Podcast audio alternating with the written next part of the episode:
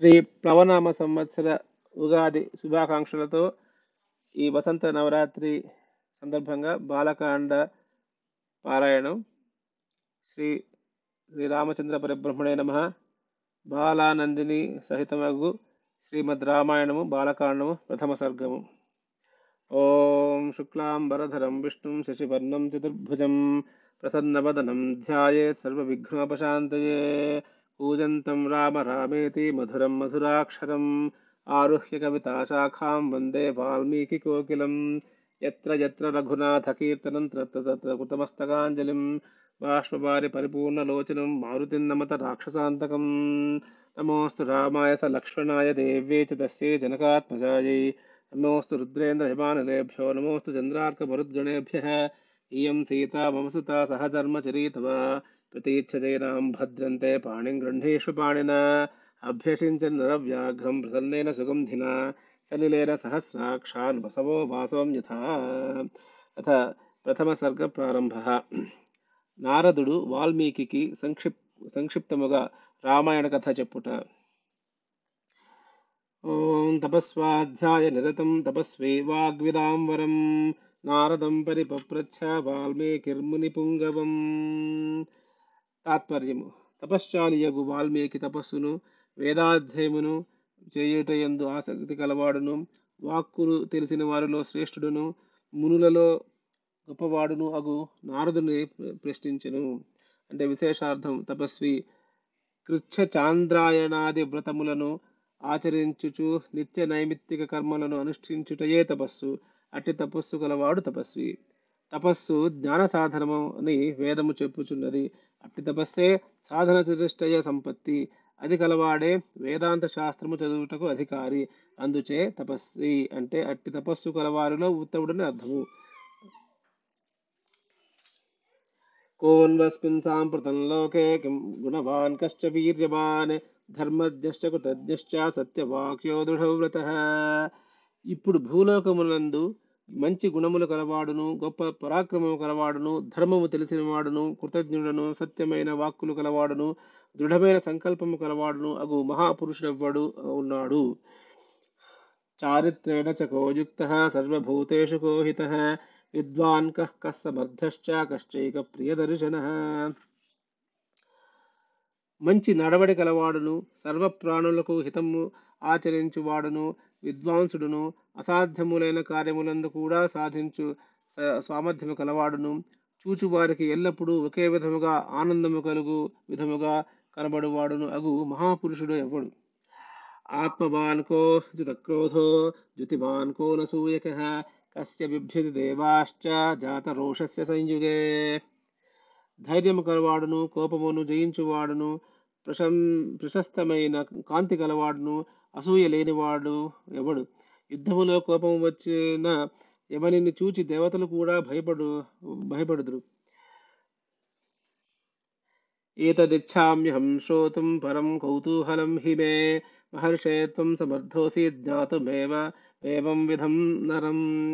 నేను ఈ విషయము వినగోరుచున్నాను. నాకు ఎక్కువ కుతూహముల కుతూహలముగా ఉన్నది. ఓ మహర్షి ఇట్టి గుణగలములు గుణగణముల మనుషు మనుషుని గూర్చి నీకు తెలియట తెలియటకు అవకాశం ఉన్నది శ్రుత్వా చేహిత్రిలోకజ్ఞో వాల్మీకేర్నారదో వచ శ్రూయతామితి చాం చామంత్య ప్రహృష్టో వాక్యమబ్రవీత్ బహవో దుర్లభశ్చైవ ఏ త్వయా కీర్తితా గుణాः మునే వక్ష్యామ్యహం బుద్ధ్వా తైర్యుక్తः శ్రూయతాం నరः ఇక్ష్వాకువంశ ప్రభవో రామో నామ జనైः श्रुतः నియతాత్మా మహావీర్యో ధృతిమాన్ ధృతిమాన్ వశీ మూడు లోకముల వృత్తాంతము తెలిసిన నారదుడు వాల్మీకి వాల్మీకి మాటలను విని సంతసించిన వాడై చెప్పేదను వినుము అని పలికి ఇట్లు చెప్పేదను ఓ వాల్మీకి ముని నీవు అడిగిన గుణములు అంతములు గుణములు అనంతములు సాధారణ మానవులలో దొరకవు అట్టి గుణములతో కూడిన మహాపురుషుని నిశ్చయించి చెప్పేదను. సావధానముగా వినుము. ఇక్ష్వాకు వంశమునందు పుట్టిన రాముని గూర్చి జనులెల్లరూ విని ఉన్నారు ఇతడు నిశ్చితమైన స్వభావం కలవాడు గొప్ప పరాక్రమం కలవాడు మంచి కాంతి కలవాడు ధైర్యం కలవాడు ఇంద్ర ఇంద్రియ నిగ్రహవంతుడు. లేదా ఇక్ష్వాకు వంశమునందు పుట్టిన రాముడు సాక్షాత్ నారాయణ స్వరూపుడని లోకుల చేత నిశ్చయింపబడినవాడు నిర్వికారుడు అచింత్యమైన శక్తి కలవాడు.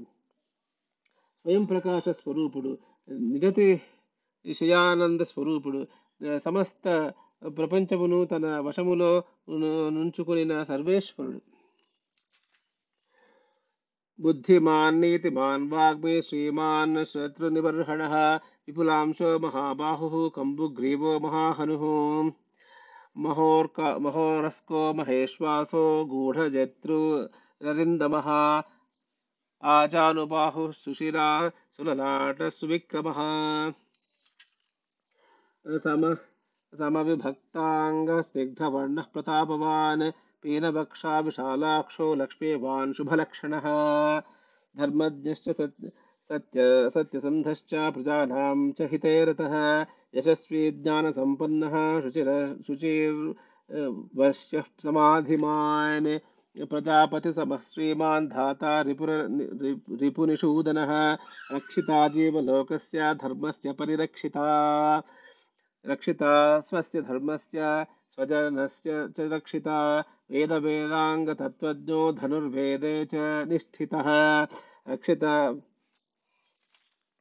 सर्वशास्त्रार्थ तत्वज्ञः श्रुतिमान् प्रतिभावा प्रतिभानवान् सर्वलोकप्रियः साधुरि साधुररि, साधुरदीनात्मा विचक्षणः, सर्वदाभि सर्वदाभिगतः सद्भिः समुद्र इव सिन्धुभिः, आर्यः सर्वसमश्चैव सदैकप्रियदर्शनः।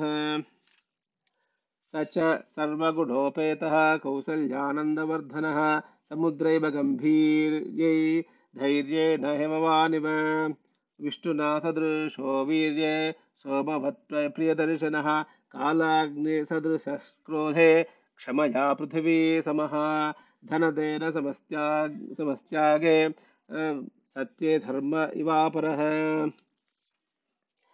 तमेवं गुणसम्पन्नं रामं सत्यपराक्रमं, ज्येष्ठं श्रेष्ठगुणैर्युक्तं, प्रियं दशरथः सुतं प्रति, प्रकृतीनां हितैर्युक्तं प्रकृतिप्रियकाम्यया यौवराज्येन संयुक्तुमैच्छत् प्रीत्या महीपतिः तस्याभिषेकसम्भारं दृष्ट्वा भार्याथ कैकयी पूर्वं दत्तवरा देवी परमे एव, परमेन याचत परमेन याचत। विवा विवासनं च रामस्य, भरतस्याभिषेचनं। स सत्यवचनाच्चैव धर्मपाशेन संयुतः। विवासयामास सुतं रामं दशरथः प्रियं स जगाम वरं प्रतिज्ञामनुपालयन् पितुर्वचन निर्देशात् कैकेय्याः प्रियकारणात्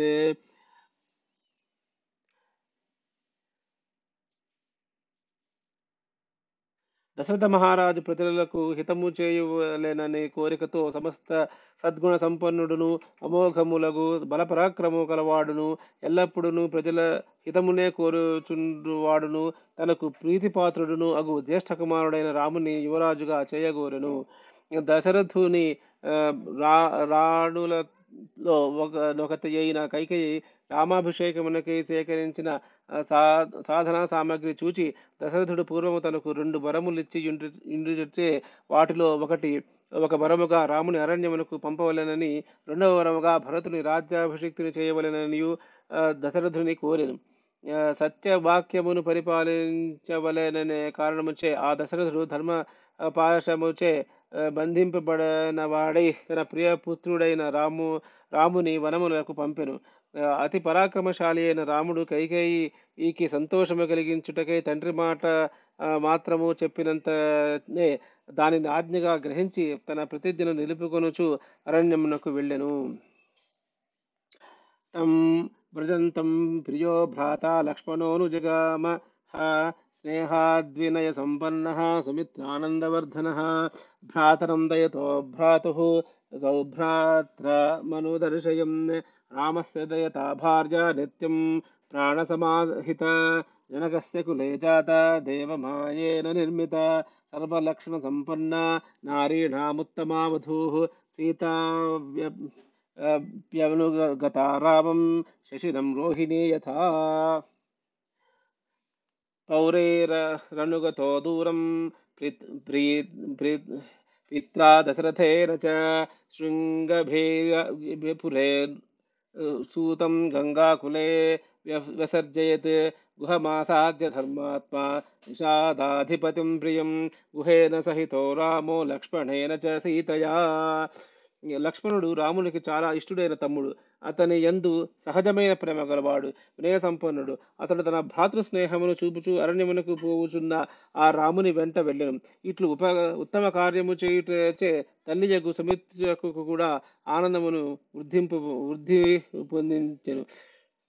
జనకుని వంశమునందు పుట్టి రామునికి భార్య అయిన దశరథుని కోడలైన సీత రాము సీత రామునకు చాలా ఇష్టురాలు. ప్రాణము వంటిది. ఆమె సర్వదా రామునకు హితమునే చేయుచుండును. రాక్షసులను మోహింప చేయుటకై సృజింపబడిన దేవమాయ వలె లోకోత్తరమైన సౌందర్యము గలది. సాముద్రిక శాస్త్రములలో చెప్పిన మంచి లక్షణములన్నీ ఆమె యందు ఉన్నవి. స్త్రీలలో ఉత్తమురాలు అట్టి సీత కూడా రోహిణి చంద్రుని అనుసరించినట్లు ఆ రామచంద్రుని అనుసరించి వెళ్ళాను. పౌరులను దశరథు దశరథుడును చాలా దూరము వరకు రాముని వెంటబడి వెంబడించిరి. ధర్మాత్ముడైన ఆ రాముడు గంగా తీరమునందు శృంగభేరి మనడు పట్టణంలో బోయల ప్రభువైన గుహుని కలిసి కోనేను. సీతా లక్ష్మణ గుహులతో కూడిన ఆ రాముడు తన సారథి అయిన సూతిని వెనుకకు పంపించి వేసెను.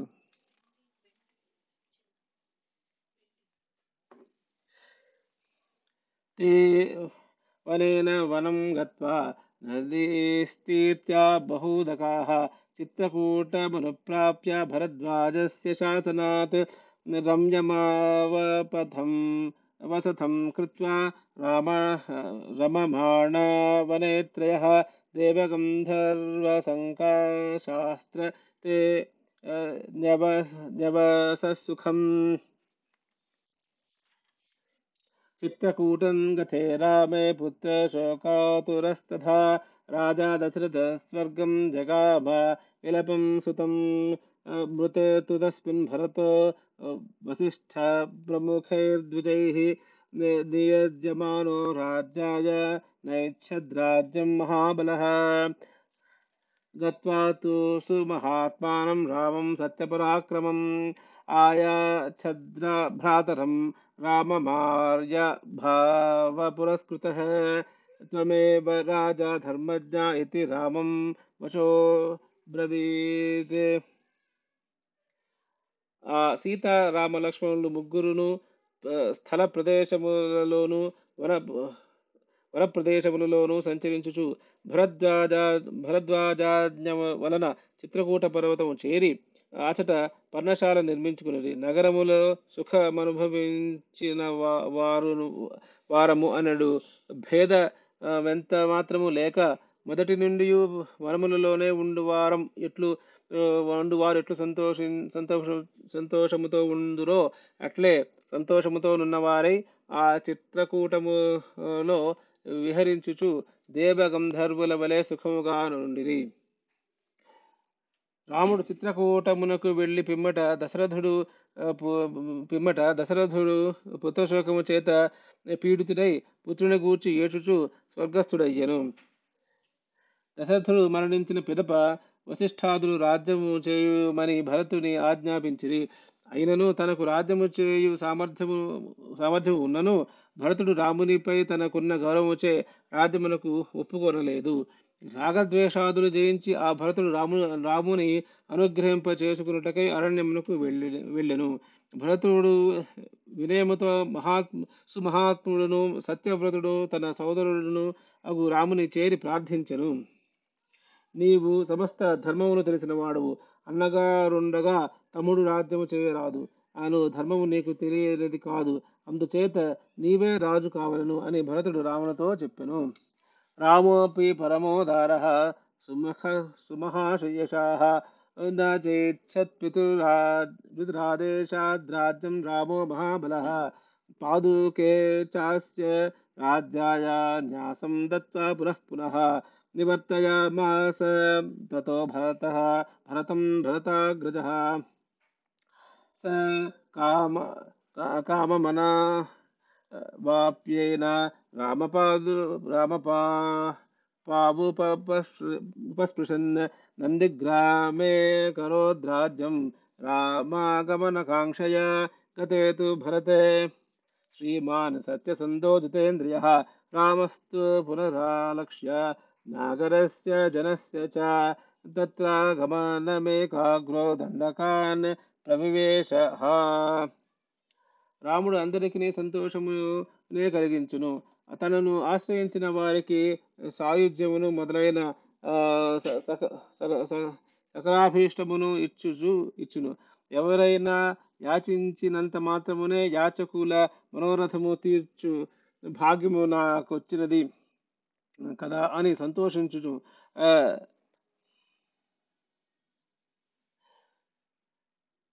నేను వచ్చినంత వరకు నా పాదకులు నా ప్రతినిధిగా రాజ్యము చేయుటకై ఉంచుకొనుము అని చెప్పి తన పాదుకలను భరతునకు ఇచ్చి రాముడు అతనికి అనేక విధములు విధముల బోధించి అయోధ్యకు పంపెను. రాముని తిరిగి తీసుకుని వెళ్ళ వెళ్ళవలెనన్న కోరికతో కోరిక తీరని భరతుడు ఆ రామపాద పాదుకలనే సేవించుచు రాముడు సుఖముగా తిరిగి రావాలని మనస్సులో కోరుకూరుచు అయోధ్యా సమీపంలోనున్న నందిగ్రామమనడు గ్రామములో నివసించి రాజ్యము చేసెను. భరతుడు వెళ్ళగానే రాముడు అత అతడు వచ్చుటచే తనకు కలిగిన ప్రతిజ్ఞా భంగము పోగుటచే సర్వాతిశయ శయి కాంతి గలవాడే భరతుడెంత నిర్బంధించినను తన ప్రతిజ్ఞ నుండి చెలింపక కౌసల్య భరత భరతాదులు చేసిన ప్రార్థనలు వ్యాజ్యముగా తీసుకుని తాను మరణ రాజ్యమును అంగీకరించుటకు అవకాశమున్నను. రాజ్య భోగములకై ఎంత మాత్రము చాపలము చూపక అయోధ్య పౌరులను భరతాదులను మాటి మాటికి ఆ చిత్రకూట పర్వ పర్వతమునకు వచ్చుచుందురు అని ఊహించి పిత్రాజ్ఞ పాలనమునందు సావధానుడై దండకావనమును ప్రవేశించెను. प्रविश्यतु महारण्यं रामो राजीवलोचनः। विराधं राक्षसं हत्वा शरभङ्गं ददर्शः। सुतीक्ष्णं चाप्यगुप्त्यं च अगस्त्याभ्रातरं तथा अगस्त्यवचनाच्चैव जग्राहेन्द्रं महेन्द्रं शरासनं खड्गं च परमप्रीत प्रीतस्तूनि चाक्षयसायकौ। वसतस्तस्य रामस्य वने वनचरैः सह ऋषयोऽभ्यागमः सर्वे वधयासुरराक्षसं राक्षसां, स तेषां प्रतिशुश्राव राक्षसानां तथा वरे प्रतिज्ञातश्च रामेण वधः संयति राक्षसां, ऋषीणामग्निकल्पानां दण्डकारण्यवासिनां, तेन तत्रैव वसता जनस्थाननिवासिनी విరూపిత శూర్పనఖ రాక్షసి కామరూపిణి పద్మముల వంటి నేత్రములు గల రాముడు దండకారణ్యమును ప్రవేశించిన వెనువెంటనే విరాధుడును రాక్షసును చంపి శరభంగ సుతీక్ష్ణ అగస్త్య మహర్షులను అగస్త్యుని సోదరులను చూచెను. అగస్త్యుడు తనకి తన కిందుడిచ్చిన ధనస్సును కత్తిని తరగని బాణములను బాణములు గల అమ్ముల పదు పదులను తీసుకుని తీసుకునమని రామునికి ఇయ్యగా అతడు తనకు తగిన ఆయుధములు దొరికినందులకు చాలా సంతసించి వారిని గ్రహించెను. రాముడు శర శరభంగ మహర్షి తపోవనములో వాసము చేయుచుండగా ఆ చుట్టుపక్కలనున్న ఋషులందరూ అసురులను రాక్షసులను సంహరింపు అని ప్రార్థించుటకై రాముని వద్దకు వచ్చిరి. శరభంగ తపోవనమునందు మును మునులతో కూడి నివసించుచున్న ఆ రామునకు దండకావనములో వనములో నివసించు ఋషులందరూ తమ తమను తమను హింసించున్న హింసించుచున్న రాక్షసులను చంపుటకై శరణాగతులైరి రాక్షస నివాసి నివాస అయిన నివాసమైన ఆ వరములో ఆ రాక్షసులు చేసిన ప్రార్థనను రాముడు అంగీకరించెను. యుద్ధములో రాక్షసులను సంహరించెదను అని అగ్ని తుల్య తేజస్సు గల ఆ, తేజస్ తేజస్కులగు ఆ దండకారణ్య వాసి వాసి మునులకు మాట ఇచ్చెను. రాముడు ఆ దండకారణ్యములోనే నివసించుచు ఆ దండకారణ్యమునందు రాముడిని సే సేనాని వేస్థా సేనాని వేస్థానమగు జనస్థానమునందు వాసము చేయు కామరూపిణియగు శూపణకయ్యను రక్కసి ముక్కు చెవులు కోసి విరుగుపీడిగా చేసెను. तत शूर्पणखा वाक्यादुद्युक्तवान् सर्वराक्षसान् खरं त्रिशिरं चैव दूषणं चैव राक्षसं निजघामासरणे रामस्तेषां चैव पदानुगान् वने तस्मिन् निवसता जनस्थाननिवासिनां रक्षसान् निहतान्यासन् सहस्राणि चतुर्दश ततो ज्ञातिवधं श्रुत्वा रावणः क्रोधमूर्च्छितः। सहायं वरयामास। मारीचं च नाम राक्षसं। मारीचं नाम राक्षसं। वार्यमाणः सुबहसु बहुशो मारीचेन स रावणः। न विरोधो बलवता क्षमो रावणतेन ते। अनादृत्य तु तद्वाक्यं रावणः कलचोदितः। जगाम सह मारीच तस्याश्रमपदं तदा శూర్పణఖ విరూపిత అయిన పిమ్మట ఆ శూర్పణఖ మాట విని యుద్ధమునకు వచ్చిన ఖరుని శ్రీశిరసుని దూషణుని వారి అనుచరులైన సకల రాక్షసులను రాముడు యుద్ధమునందు సంహరించెను దండకారణ్యమునందు నివసించినప్పుడు రాముడు జన్మ జనస్థానములో నివసించి నివసించు రాక్షసులలో పద్నాలుగు వేల మందిని సంహరించెను పిమ్మట రావణుడు జ్ఞాతుల మరణ వార్త విని మిక్కిలి కోపించిన వాడే తనకు సహాయము చేయమని మారీచుడను రాక్షసుని కోరెను. ఓ రావణ మహాబలవంతులైన కరుడు మొదలగు పద్నాలుగు వేల రాక్షసులను చం- చంపి చంపినట్టు బలవంతుడైన రామునితో వైరము పెట్టుకొనుకుమ్ము అని మారీచుడు రావణుని అనేక పర్యాయములు వారించెను. మృత్యువు సమీపించుడితే రావణుడు మారీచుని మాటలు వినలేదు. అతనిని వెంటబెట్టుకుని రాముని ఆశ్రమమునకు వెళ్ళను. తేన మాయా వినా దూరమప అపవాహ్య నృపాత్మజౌ జహార భార్యాం రామస్య గృధ్రం హత్వా జటాయుషం గృధ్రం చ నిహతం దృష్ట్వా హృతాం శ్రుత్వా చ మైథిలీం రాఘవ శోక సంతప్తో విలలాపకులేంద్రియ दस्तेनैव शोकेन क्रुद्धं दग्ध्वा जटायुषं मार्गमाणो वने सीतां राक्षसं सन्ददर्शः। कबन्धन्नामरूपेण विकृतं घोरदर्शनं तन्निहत्य महाबाहुर्दः स्वर्गतश्च सः। स चास्य कथयामास शबरीं धर्मचारिणीं श्रमणीं धर्मनिपुणामभिगच्छेति राघव। మాయ మాయ మాయావ్యైన మా మారీచిని ద్వారా రామలక్ష్మణుల పర్ణశాల నుండి చాలా దూరము వెళ్ళిపోయినట్టు చేసి రాముని భార్యకు సీతని అపహరించెను. ఆమెను విడిచుటకై వచ్చిన జటాయువును విడిపించుటకై వచ్చిన జటాయువును చంపెను. రాముడు చచ్చుటకు సిద్ధమై పడి ఉన్న జటాయువును చూసి ఆ జటాయువు వలన సీతాదేవిని రావణుడు అపహరించినట్లు విని మిక్కిలి దుఃఖితుడై ఇంద్రా ఇంద్రియములను వశములో ఉంచుకొనజాలక విలపించెను. అత్యధికమైన దుఃఖముతో రాముడు జటాయువును దహనం దహన సంస్కారం చేసి సీతకై వెతుకుచు ఆ వనములో వికృతమైన ఆకారముతో భయంకరముగా ఉన్న కబంధుడనే రాక్షసులను చూచెను. బలిష్టములైన బాహువులు గల ఆ రాముడు ఆ కబంధుని చంపి దహన సంస్కారం చేయగా అతడు స్వర్గమునకు వెళ్ళెను. అతడు స్వర్గమునకు పోవుటకు ముందు ఓ రామ ధర్మమును ఆచరించుట ఎందు నేర్పుగలదియు ధర్మమును ఆచరించుచున్నదియు అగు ఒక శబర స్త్రీ ఆ, స్వీకరించి ఉన్నది ఆమె వద్దకు వెళ్ళము అని చెప్పాను. तो सोऽभ्यगच्छन् महातेजाः शबरीं शत्रुसूदनः, शबर्या पूजितः सम्यग् सम्यग्रामो दशरथात्मजः। पम्पातीरे हनुमता सङ्गतो वानरेणः, हनुमद्वचनाच्चैव सुग्रीवेण समागतः। सुग्रीवाय च तत्सर्वं संसद्रामो महाबलः। చ తత్సర్వం సం- సంసద్రామో మహాబలः అదితస్తస్య అ- అ- అదిత आदितस्तस्य आदितस्तद्यथावृत्तं सीतयाश्च विशेषतः सुग्रीवश्चापि तत्सर्वं श्रुत्वा रामस्य वानरः चकार सख्यं रामेण ప్రీతశ్చైవాగ్నిసాక్షికం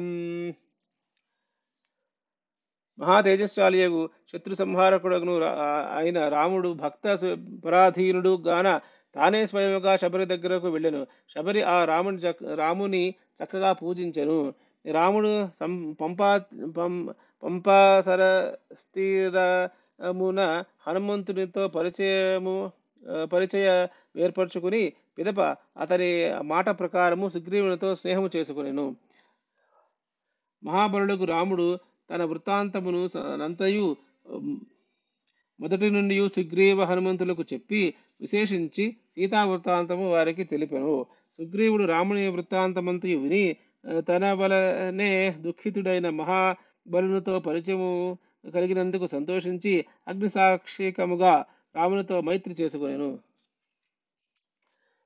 తతో వానర రాజేన వై వైరాను కథనం ప్రతి రామాయ వేదితం సర్వం दुःखेन च प्रतिज्ञातं च रामेण तदा वालिवधं प्रति। वालिनश्च बलं तत्र कथयामास वानरः। सुग्रीवश्चङ्कितश्चासीन्नित्यं वीर्येण राघवे। राघव राघवप्रत्ययार्थं तु दुन्दुभेः कायमुत्तमम् दर्शयामास सुग्रीवो महापर्वतसन्निभम्। उत्प उत् उत् उत्सम्य युत्वा महाबाहो प्रेक्ष्य चास्थिमहाबलः पादाङ्गुष्ठेन विक्षेप सम्पूर्णं दशयोजनं बिभेद च पुनः सालन् सप्तैकेन महेषुना गिरिं रसा रसातनं चैव जनयन् प्रत्ययं तदा। వాల్మీకిని విరోధమెట్లు ఏర్పడినది అని రాముడు ప్రశ్నింపగా సుగ్రీవుడు దుఃఖించు దుఃఖించుచు స్నేహముతో రామునకు ఆ వృత్త వృత్తాంతము అంతయు తెలిపెను. వాలిని చంపేదనని రాముడు ప్రతిజ్ఞ చేసెను. సుగ్రీవుడు కూడా రామునకు వాలి యొక్క బల విశేషాలను గూర్చి చెప్పెను. సుగ్రీవుడు రాముని చూచినది మొదలు అతడు ఇతడు వారిని చంప సమర్థుడు సమర్థుడో కాడో అని సందేహించుచుండెను. అతడు రాముని విషయమున తనకు నమ్మకము కలుగుటకై ఉండవలనున్న దుందుభి ఎను రాక్షసుని కళయబరమును రామునకు చూపెను. ఊహింపురాని బలము గలవాడును ఆ బలమునకు తగినట్లు కార్యము చేయ సమర్థుడైన బాహువుల కలవాడును. అగు రాముడు ఆ అస్థిమయమైన ఆ దుందుభి కళయబరమును చూచి ఇది ఎంత అని నవ్వి కొంచెమైన తక్కువ లేకుండా పది యోజనముల దూరములలో పడినట్లు దానిని తన పాదాంగుష్టములతో ఎత్తి విసిరేసను విసిరను. అప్పుడు ఆ రాముడు సుగ్రీవు సుగ్రీవునకి ఇంకను నమ్మకము కలుగుటకై ఒక్క బాణముచే ఏడు మద్ది చెట్లు పర్వతములను పాతాళములకు భేదించను. తత ప్రీత ప్రీతమనాశ్చేవ विश्वस्तश्च महाकपिः। किष्किन्धां रामसहितो जगाम च गुहां तथां तदा, ततो गर्जन ततो गर्जद्धि, गर्जद्धरीवरः सुग्रीवो हेमपिङ्गळः तेन नादेन महता निर्जगाम हरीश्वरः। अनुमान्य तदा तारां सुग्रीवेन समागतः। निजघान च तत्रैवं शरेणै, शरेणैकेन राघवः। ततः सुग्रीववचनात् दत्त्वा बालेन माहवे, सुग्रीवमेन तद्राज्ये राघवः प्रत्यपादयत्। स च सर्वान् समे, समा, समानीय वानरान् वानरऋषभः दिशः प्रस्थापयामास। दिदृक्षुर्जनकात्मजाम्। ततो गृध्रस्य वचनात् सम्पाहतेर्हनुमान् बली। शतयोजनविस्तीर्णं पुप्लुवे लवणार्णवं तत्र लङ्कां समासाद्य पुरीं रावणपालितां तदृश सीतां ధ్యాయంతీమశోకవనికాం గతాం రాముడు ఆ సప్త సాలాది భేదము చేసిన పిమ్మట ఆ, సుగ్రీవునకు నమ్మిక కుదిరెను. తనకు రాజ్యము లభించును అని అతడు సంతోషించి రాముని వెంటబెట్టుకుని గుహవలేనున్న కిష్కింధా పట్టణములకు వెళ్ళెను. కిష్కింధ ప్రవేశించి బంగారు వంటి వన్నెగల వానర శ్రేష్ఠుడైన సుగ్రీవుడు గర్జించెను. ఆ మహా నాదమును విని వాలి గృహము నుండి బయటకు వచ్చెను. వాలి యుద్ధమునకు వెళ్ళవద్దని నివారించుచున్న తారను ఒప్పించి సుగ్రీవునితో యుద్ధమునకు తలబడెను అతడు రాముడు ఒక్క బాణముతో వాళ్ళని చంపే చంపెను. రాముడు సుగ్రీవుని ప్రార్థ ప్రార్థన ప్రకారము వాళ్ళని సంహరించి అతని రాజ్యమునందు సుగ్రీవునే సుగ్రీవునే పట్టాభిషేక్తుని చేశాను వానరశ్రేష్ఠుడకు సుగ్రీవుడు వానరులందరినీ రప్పించి సీతాదేవిని అన్వేషించుటకై అన్ని దిక్కులకు పంపెను. మహాబలశాలి యొక్క హనుమంతుడు సంపాతిజనుడు గ్రద్ద చెప్పిన ప్రకారము నూరు యోజనముల గల వెడల్పు గల లవణ సముద్రమును దాటెను. హనుమంతుడు రావణుడు పరిపాలించుచున్న లంకాపురము చేరి అతడు అశోక వనములో రాముని రామునే ధ్యానించుచూ ఉన్న సీతాదేవిని చూచెను. నివేదయిత్వాభిజ్ఞానం ప్రవృత్తించ నివేద్య చ సమాశ్వాస్య చ వైదేహీం वर्धयामास वर्धया पञ्चसेनाग्रगान् हत्वा सप्त मन्त्रिसुतानपि सप्तमन्त्रिसुतानपिक्षं च निष्पि निष्पिष्य ग्रहणं समुपागमते। अस्त्रेणोन्मुक्तमात्मानं ज्ञात्वा पैतमहाद्वराद् राक्षसान् वीरो यन्त्रि यन्त्रिणश्चान् వీరో యంత్రి యంత్రిణశ్చాన్యదృచ్ఛయా తతో దగ్ధ్వా పురీం లంకామృతే సీతాం చ మైథిలీం రామాయ ప్రియమాఖ్యాతుం పునరామ పునరాయాన్ మహాకపిः సౌ సోభిగమ్య మహాత్మానం కృత్వా రామం ప్రదక్షిణం నివేదయదమేయాత్మా దృష్టా సీతేతి తత్వతః తతः సుగ్రీవ సహితో గత్వా తీరం మహోదధేః శరైరాదిత్య హనుమంతుడు తన చేతికి రాముడిచ్చిన అంగుళీయకమును సీతాదేవికి గుర్తుగా ఇచ్చి సుగ్రీవునితో రామునకు మైత్రి కలుగుటకు మొదలు మైత్రి కలుగుట మొదలగు వృత్తాంతమును విన్నవించి ఆమెను ఊరడించి అశోక వన బహిర్ బహిర్ద్వారముకు చూర్ణమును చేసెను. హనుమంతుడు సేనాపతులు నైదుగురిని మంత్రిపుత్రులను ఏడుగురిని చంపి శూరుడైన అక్షకుమారుని వధించి ఇంద్రజిత్తు ప్రయోగించిన బ్రహ్మాస్త్రమునకు కట్టుబడెను. పరాక్రమశాలియకు పరాక్రమశాలియగు హనుమంతుడు పూర్వం బ్రహ్మదేవుడు తనకిచ్చిన వరముల ప్రభావం వలన తనను బ్రహ్మాస్త్ర బంధము బంధము వదిలిపోయినట్లు తెలిసినను తనను తాళ్ళచే కట్టి ఈడ్చుకొని పోవుచున్న రాక్షసులను వధించుటకు సమర్థుడైనను రావణుని చూడగోరి ఆ రాక్షసుల బాధలను సహించను. రావణునితో మాట్లాడిన పిమ్మట సీతాదేవి నివసించే ప్రదేశము తప్ప లంకాపురి నంతయు కాల్చి రామునికి సంతోష వార్త చెప్పుటకే మరల రాముని సమీప సమీపంలో వెళ్ళను. వెళ్ళెను బుద్ధిశాలియగు హనుమంతుడు సీతా వియోగము కలిగినను ఎంత మాత్రము ధైర్యం తగ్గని రాముని వద్దకు వెళ్ళి అతనికి ప్రదక్షిణ నమస్కారం చేసి చూచితిని సీతను అని యథార్థముగా విన్నవించెను. సుగ్రీవునితో కలిసి రాముడు సముద్ర తీరము చేరి సముద్రుడు తనకు వశము కానందునకు కోపించి సూర్యుని వలె తీక్ష్ణమైన బాణములచే సముద్రుని క్షోభింప క్షోభింప క్షోభింప క్షోభింపచేసెను. దర్శయ దర్శయామాస చాత్మానం సముద్ర సరితాం పతి సముద్రవచనాచ్చేవ నలం సేతుమకారయత్ తేన గత్వా పురీం లంకాం హత్వా రావణమాహవే రామసీతాం. मनुप्राप्य परां व्रीडमुपागमत्। तामुवाच ततो रामः परुषं जनसंसदि। अमृष्यमाणा सा सीता। विवेश ज्वलनं सती ततोऽग्निवचनात् सीतां ज्ञात्वा विगतकल्मषां बभौ रामः सम्प्र सम्प्रहृष्टः पूजितः सर्वदेवतैः। कर्मणा तेन महता त्रैलोक्यं सचराचरम्। स स देवर्षिगणं तुष्टं राघवस्य महात्मनः अभिषिच्य च लङ्कायां राक्षसेन्द्रं विभीषणं कृतकृत्यस्ततो रामो विज्वल प्रम प्रमुमोदः నదులకు పతి అయిన సముద్రుని సముద్రుడు రాముని కోపములకు భయపడి నిజ రూపముతో కనబడి చ- చెప్పగా అతని మాటల ప్రకారం రాముడు ఆ, నీ- నీ- నీలునిచే సేతువు కట్టించెను రాముడు ఆ సేతు మార్గమున లంకలోకి ప్రవేశించి ప్రవేశించెను. యుద్ధమునందు రావణుని సంహరించి సీతను పొంది పరగ్రహంలో చాలా కాలము వసించిన భార్యను ఎక్కు పరిగ్రహింతును అని చాలా సిగ్గుపడెను. ఆ కారణము వలన రాముడు తన ఆ, రాముడు జనులందరిలోనూ సీతతో పరుషముగా మాటలాడను. మహాప్రతివత యగు ఆ సీతాదేవి ఆ మాటలను సహింపజాలక అగ్నిలో ప్రవేశించెను. సీత ఎట్టి పాపము లేనిది అని అగ్ని చెప్పగా రాముడు చాలా సంతోషించను దేవతలు పూజింపగా ప్రకాశించను.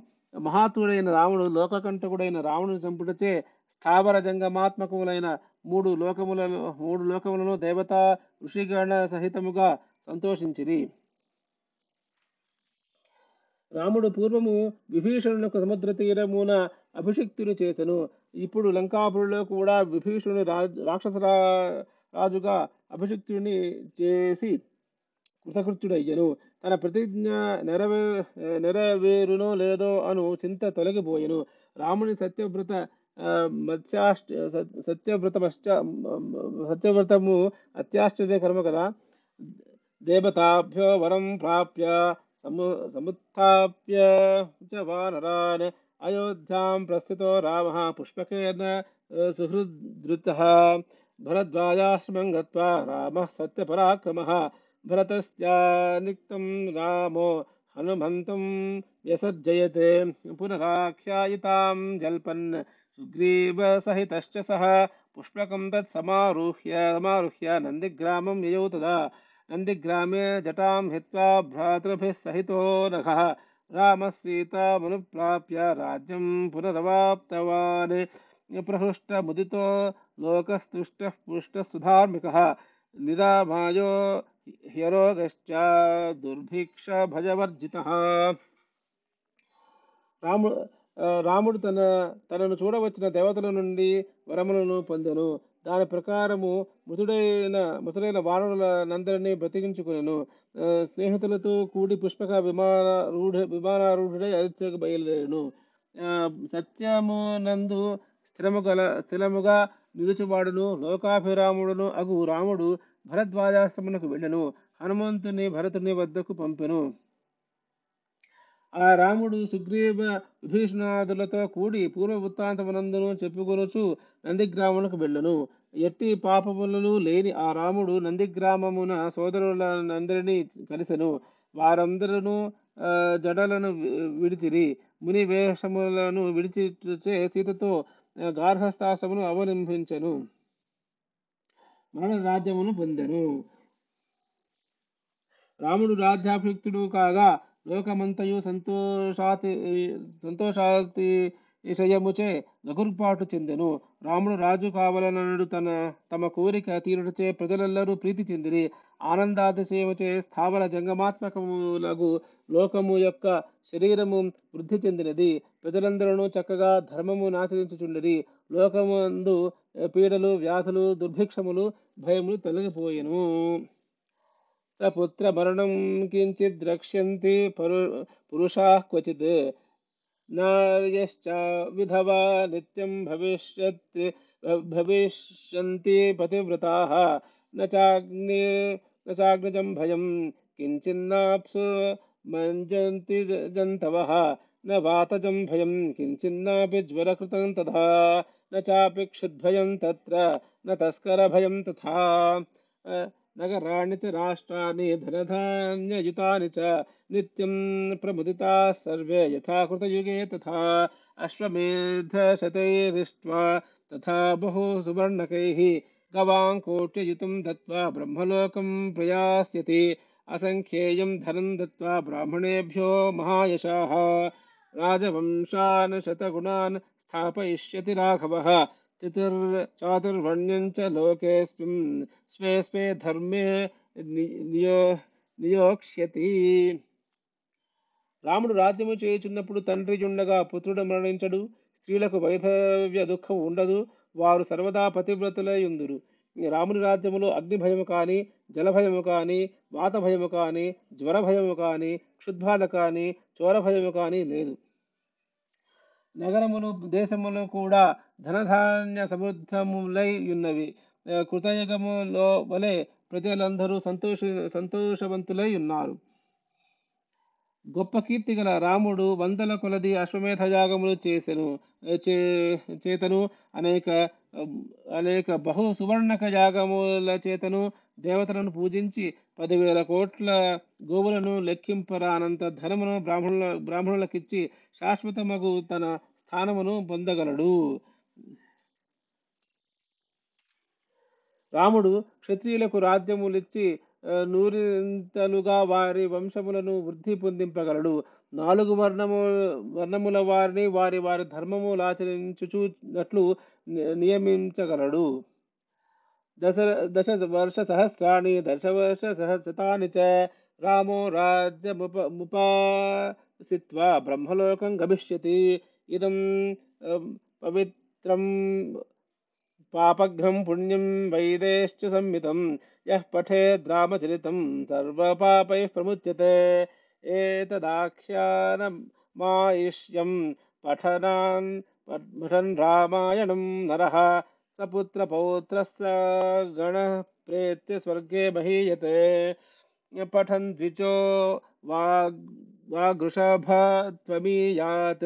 स्यात् क्षत्रियो భూమిపతే పతిత్వమీయాత్ వణిజన ఫల భణ్యఫలత్వమీయాత్ జనశ్చ శూద్రోపి మహత్వమీయాత్ ఇత్యార్షే శ్రీమద్ రామాయణ ఆది కావ్య బాలకాండే సంక్షేపో నామ ప్రథమ సర్గ సమాప్త రాముడు పదకొండు వేల సంవత్సరముల పాటు రాజ్యమును ప్రజలకు సుఖము కలుగునట్లు పాలించి బ్రహ్మలోకమును చేరగలడు.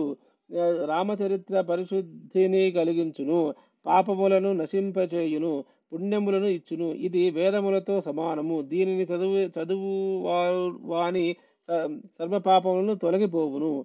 ఆ, రామాయణమనడి ఈ ఆఖ్యానము ఆయుర్దాయమును వృద్ధి పొందించును. దీనిని చదువువాడు పుత్రపౌత్రాదులతోనూ భృత్య బంధు బంధుగణములతోనూ కూడి సర్వ అనుభవించి మరణానంతరము స్వర్గమునకు దేవతల చేత పూజింపబడును. ఈ రామాయణమును బ్రాహ్మణుడు పఠించినచో అష్టాదశ విద్యలందును ప్రావీణ్యమును పొందును. క్షత్రియుడు పఠించినచో భూమండలాధిపతి యగును. వైశ్యుడు పఠించినచో వ్యాపారమునందు లాభము పొందును. శూద్రుడు పఠించినచో గొప్పవాడగును. స్వస్తి ప్రజాభ్య పరిపాలయంతాం. న్యాయేన మార్గేణ మహీ మహేషాः గోబ్రాహ్మణేభ్య శుభమస్తు నిత్యం లోకాः సుఖినో భవంతు.